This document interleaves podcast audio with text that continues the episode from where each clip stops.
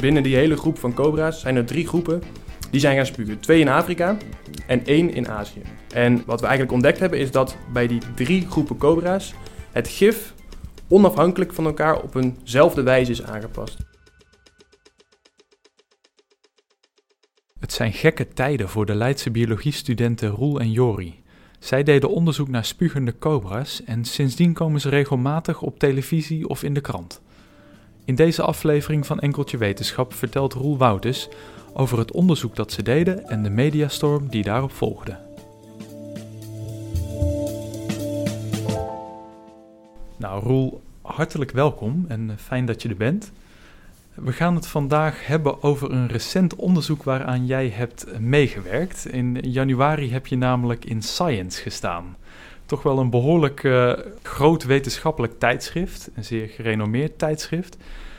En ik was natuurlijk allereerst benieuwd, waar ging die publicatie over?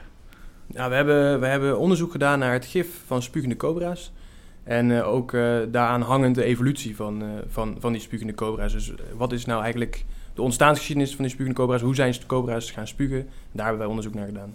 En het mooie is natuurlijk, jij bent zelf nog student. Dus het is echt een ontzettende eer, denk ik, dat je in zo'n mooi tijdschrift staat. hoe ben jij precies betrokken geraakt bij deze publicatie? Ja, dat is een ongelooflijk grappig en bizar verhaal eigenlijk weer. Maar ik liep stage op, op de Universiteit Leiden, bij het Instituut Biologie Leiden. Voor mijn bachelor toen. Hè, toen deed ik mijn bachelor Biologie in Leiden. En ik liep stage in de groep van professor Michael Richardson. Ik deed er onderzoek naar de evolutie van, van adders. Ik werkte aan, aan groefkopadders.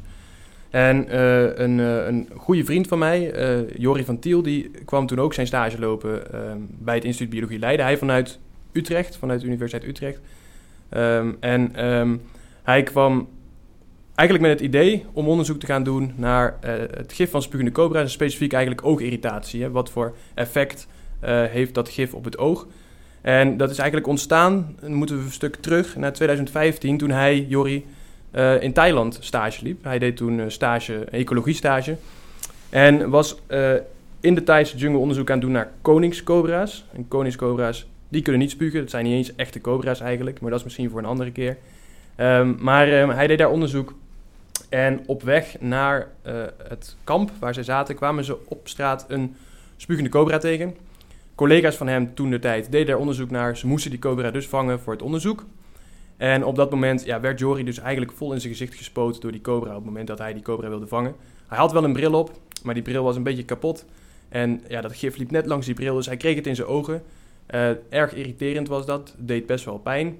Maar goed, hij heeft het uitgespoeld met water. Als je dat op tijd uitspoelt met water, is er geen enkel probleem. Hij heeft het uitgespoeld met water. En um, ja, die ervaring was zo fascinerend. En hij is daar jaren la later eigenlijk uh, nog steeds mee bezig. En hij dacht, daar moeten we wat mee doen. Laten we dat eens onderzoeken. En zo zijn we het lab ingedoken. Ja, we gaan het dus hebben over spugende cobra's. En dat zijn dus slangen die hun gif echt weg kunnen spuwen. En het mooie is dat jij ook iets hebt meegenomen om dat een beetje uh, toonbaar te maken aan ons. En dat staat hier in een grote wekpot voor onze neus. Kun je eens vertellen wat je hebt meegebracht? Nou, we hebben, kijk je dus naar een Indische cobra. En het is een cobra die niet kan spugen overigens, maar wel een cobra waar we ook onderzoek naar hebben gedaan. Een Indische cobra en uh, is een ontzettend uh, belangrijke soort, omdat die verantwoordelijk is voor, voor heel veel uh, slangenbeten helaas in India. dit specifieke individu die heb ik cadeau gehad van een vriend van me uit Duitsland. Die had dit dier 33 jaar lang als huisdier. En hij is helaas ja, overleden. Ja, deze cobra staat al een tijdje bij mij uh, op mijn studentenkamertje als pronkstuk. Uh, en hij, uh, ja, hij, hij is on ondertussen be best wel populair. Hij heeft op het gala van de biodiversiteit bij Naturalis heeft hij naast koning Willem-Alexander gestaan. Een paar weken geleden was hij nog op nationale televisie bij Op 1. Dus het is een echte celebrity slang die op die manier na zijn dood toch nog heel mooi geëerd wordt, denk ik. Ja, en die ligt hier heel mooi opgerold in een, in een pot. En ik kan me zomaar voorstellen dat jij een bepaalde fascinatie hebt met slangen. En dan niet alleen met de spugende slangen, maar ook met uh, alle andere slangen. Uh, kun je eens vertellen wat jou zo interesseert in deze beesten? Ja, ik heb dat eigenlijk mijn hele leven al. En, en, en zeker in mijn tienerjaren, toen ik op de middelbare school voor het eerst slangen mocht gaan houden van mijn biologiedocent. Ik mocht dat van mijn moeder nooit. En ik wilde dat wel graag, dus ik heb met mijn biologiedocent een deal gemaakt dat ik uh, slangen daar mocht verzorgen. Dus daar is echt mijn, mijn passie en interesse daarvoor begonnen. En door, door mijn studie biologie is dat alleen maar eigenlijk verergerd.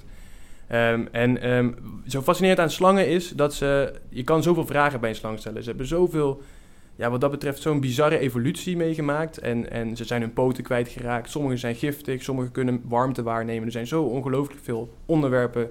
Ja, die, die in mijn hoofd beginnen te, op te raken als ik een slang zie. Dus wat dat betreft, uh, ja, is dat, het zijn zulke fascinerende dieren. En daar kan ik uren, dagen, jaren over praten en nadenken. Ja, en ja, ik was natuurlijk, uh, voordat we het zo meteen echt gaan hebben over de uitkomsten van jullie onderzoek, was ik natuurlijk heel benieuwd. Hoe heb je dit onderzoek naar die spugende cobra's precies uh, gedaan? Ben je echt het, het wild ingegaan, om het zo maar te zeggen? Ja, dat is misschien goed om een beeld daarvan te geven, inderdaad. Van wat hebben we nou gedaan? En um, um, ik moet zeggen, die, die publicatie, dat is met 29 wetenschappers uit de hele wereld. Daar zullen we zo nog misschien even over babbelen. Maar dat is in ieder geval een groot, uh, groot project geweest. En wij hebben daar een klein puzzelstukje van het hele verhaal hebben wij in Leiden gedaan. Met z'n tweeën. En wat we gedaan hebben is, we zijn gif gaan verzamelen ten eerste. Dus we zijn niet in het wild geweest, um, maar we hebben bij dierentuinen, onder andere een dierentuin in Duitsland... en ook particulieren die, uh, die in Nederland wonen en Duitsland wonen... die ja, die dieren als huisdier houden, zijn we daarheen gegaan. En samen met de eigenaar van die dierentuin hebben we dan... Uh, ja, die slangen gemolken, zoals dat heet. Dus we, die eigenaar heeft dan die slang gepakt, uh, het gif in een potje verzameld. Dus die slang in een potje laten bijten, dat gif verzameld. En, uh, en wij hebben dan vervolgens, uh, Jori en ik met z'n twee hebben dan vervolgens dat gif eigenlijk meteen verwerkt. Dus dat zetten we dan, dat halen we dan uit het potje en dat zetten we dan meteen op vloeibare stikstof. Dat zorgt ervoor dat dat gif goed bewaard blijft, dat dat niet zijn giftigheid verliest. En dat nemen we dan weer mee naar Leiden. Ja. En uh, daar hebben we een model gebruikt voor oogirritatie. Dat is een soort uh, kip-embryo-model dat uh, professor Richardson vaak gebruikt en waar hij ook bekend mee is. En dat model, dus een geaccepteerd model voor oogirritatie, hebben we gebruikt om te gaan kijken naar wat gebeurt er nou als je het gif van spugende cobra's versus het gif van niet-spugende cobra's op dat model toetst. En wat we dus eigenlijk zien, is we zien dat eigenlijk bijna alle uh, cobra's wel een soort van irritatie veroorzaken. Dus ook niet spugende cobra's. Dat gif dat irriteert toch enigszins. Uh, maar we zien wel duidelijk dat spugende cobra's eigenlijk veel erger irritatie veroorzaken. Dus dat suggereert al hè, dat, dat, uh, dat inderdaad die, dat gif echt speciaal iets met de ogen doet. Ja, en, en dat bleek dus ook wel uit de conclusies van het onderzoek. Hè? Kun je eens in een notendop uitleggen wat nou de belangrijkste conclusies waren van jullie onderzoek? Ja, we zijn dus inderdaad vervolgens dan met, met ons puzzelstukje inderdaad uh, terechtgekomen bij, uh, bij de groep van professor Casewell in Liverpool. En die was al jaren bezig met de gigantische studie naar, naar uh, het gif van, van spugende cobra's, evolutie van spugende cobra's. En wat we eigenlijk ontdekt hebben met z'n allen, met al die wetenschappers die daar meegewerkt hebben, uit heel de wereld, Australië, Engeland, Amerika, het, zijn, het is een gigantische samenwerking geweest. Dus wat we eigenlijk ontdekt hebben, is dat um, het gif van, of het, het, het, ik moet zo zeggen, eh, spugende cobra's zijn drie groepen spugende cobra's. Dus, dus binnen die hele groep van cobra's zijn er drie groepen die zijn gaan spugen. Twee in Afrika en één in Azië. En um, um, wat we eigenlijk ontdekt hebben is dat bij die drie groepen cobra's het gif onafhankelijk van elkaar op eenzelfde wijze is aangepast. Dus we, hebben eigenlijk ontdekt dat er een stofje in dat gif, dat noemen we fosfolipase A2, dat is een stofje in dat gif, een soort toxine, Um, die is extra aanwezig in het gif van spugende cobra's. En die werkt samen met de al aanwezige gifstofjes in het gif van die slangen. En dat zorgt ervoor dat het extra pijn in het oog veroorzaakt. Dus, um, en wat we heel specifiek zien is dat dat uh, gebeurt bij die drie groepen cobra's op dezelfde manier. Maar die drie groepen cobra's zijn wel in verschillende tijdstippen in de evolutie ontstaan.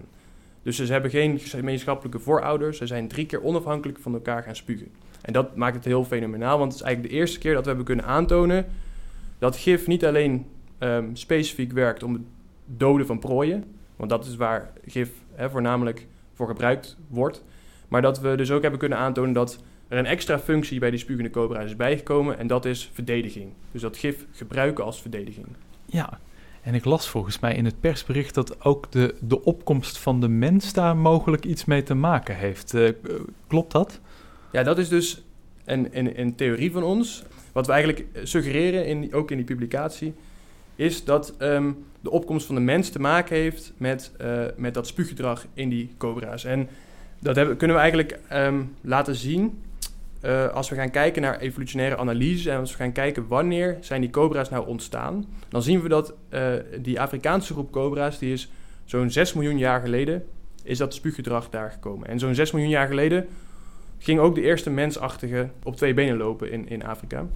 En wat we dus zien is dat zo'n 4 miljoen jaar later, dus 2 miljoen jaar geleden, um, zijn de Aziatische spugende cobra's gaan spugen. En dat komt ongeveer overeen met ja, de opkomst van Homo erectus in Azië. Dus de eerste mens uh, arriveert in Azië. En um, wat we ook weten is dat er een soort van, echt een soort van evolutionaire angst in mensen zit hè, voor slangen. Um, dat zien we niet alleen maar in onszelf, maar dat zien we ook in primaten bijvoorbeeld. We weten ook dat primaten, zoals uh, chimpansees en gorilla's, die gebruiken ook stokken en, en, en stenen om slangen op afstand te houden. En juist het spuuggedrag, dat effectief is op ja, anderhalf, twee, tweeënhalve meter, uh, zo'n lange afstandsverdediging, dat is juist effectief inderdaad voor, ja, op mensen. Ze richten dus ook heel specifiek op mensen, niet zozeer op de ogen, maar eigenlijk op basis van de beweging van het hoofd, mix op waar de ogen gaan zijn. En er zijn soorten, zoals bijvoorbeeld de rode spugende cobra uit Oost-Afrika, die, uh, die kan gewoon bijna 100% van zijn tijd raak schieten. Dus die kan heel gericht ja, in je ogen schieten, als het ware. En, uh, en, en dat is waarom wij denken ja, dat mensen daar dus een, een rol in spelen. Ja. ja. Nou, en jouw collega Jori, ook een student, uh, die heeft dat dus aan den lijve ondervonden. Ik kan me voorstellen dat dan je, je passie voor slangen wel een klein stukje kleiner wordt. Uh, of is dat niet het geval? Ja, voor mij is hij bij Jori alleen maar groter geworden daardoor. Ja, nee, dat is, ja, het is natuurlijk fantastisch om, om op die leeftijd al uh, daarmee bezig te kunnen zijn, in het veld te kunnen werken, maar ook in het lab en ook met dit soort vragen en onderzoeken bezig te zijn. Dus nee, ik denk die, die, die ervaring die Jori daar heeft gehad, dat, uh, dat is een ervaring die niet, veel mensen, die niet veel mensen hebben gehad, maar wel een ervaring die hem juist heeft getriggerd om hier verder over na te denken. Ja. Ja, en dat doet natuurlijk ook een klein beetje denken aan die andere Leidse bioloog, uh, namelijk Freek Vonk, die ook aan de Universiteit Leiden heeft uh, gewerkt en uh, volgens mij nog steeds zelfs verbonden is. Ook hij heeft natuurlijk wat nare ervaringen gehad met wilde beesten, zal ik maar zeggen. In, in hoeverre is hij nou een soort rolmodel voor jou en voor Jori bijvoorbeeld? Ik moet zeggen dat, dat wij, wij eigenlijk al, al met, met ja, gefascineerd door deze de wereld van reptielen waren. Eigenlijk al voordat Freek nog bekend was. We zien Freek is natuurlijk super bekend bij kinderen nu. De, dus wij zijn er al wat dat betreft al een stuk langer mee bezig. Um, maar goed, ja, we, we, werken nog steeds best wel veel samen met Freek gewoon. Jori die loopt nu stage bijvoorbeeld bij Freek. En ik heb in mijn bachelor ook, uh, ook met Freek uh, samengewerkt. Dus we, we zien, ja, we, we zien hem als een soort collega, denk ik. Ja. Ja, nou, dat is niet slecht toch, om Freek Vonk als uh, collega te mogen beschouwen? Nou, het is ook een fantastische wetenschapper. Hij heeft fantastisch goede ideeën en hij heeft ongelooflijk veel ervaring, veel meegemaakt. Dus het is altijd fantastisch om zijn ideeën te horen, ja. En, en wat is nou... Ja, wat is nou jouw eigen toekomstplan? Je bent eigenlijk al op behoorlijk jonge leeftijd, heb je natuurlijk een prachtige publicatie op je naam. wat, hoe ziet de toekomst eruit? Nou, ik zou op dit moment eigenlijk in Thailand zitten. Precies dat gebied waar Jori destijds is geweest voor zijn stage, zou ik nu voor mijn masterstage zitten. Om onderzoek te doen, waarschijnlijk varanen, uh, ecologie. Maar ja, dat, ja, coronamaatregelen, dus dat gaat op dit moment helaas niet. Ik ben nu bezig met een andere stage. Na de zomer hopen we, hoop ik alsnog naar Thailand te kunnen. Om daar dan uh, uiteindelijk uh, mijn, mijn afstudeerstage te doen. En daarna, ja, dan hoop ik toch uh, te kunnen promoveren op dit onderwerp. Dus ik hoop ergens in de wereld uh, dat er een plekje voor me is en dat we, dat we hier gewoon weer lekker mee verder kunnen. Oké, okay. nou super. Hartstikke bedankt voor je uitleg. Ja, super bedankt voor de uitnodiging. Altijd leuk om hierover te praten. Who put the poison in the water? Water makes me blue. Who put the poison in the water. Who put the poison in the water? Kids in school. And still I find myself in love with you. Who put the poison in the water? Who put the poison in the water makes me blue. Poison in the water.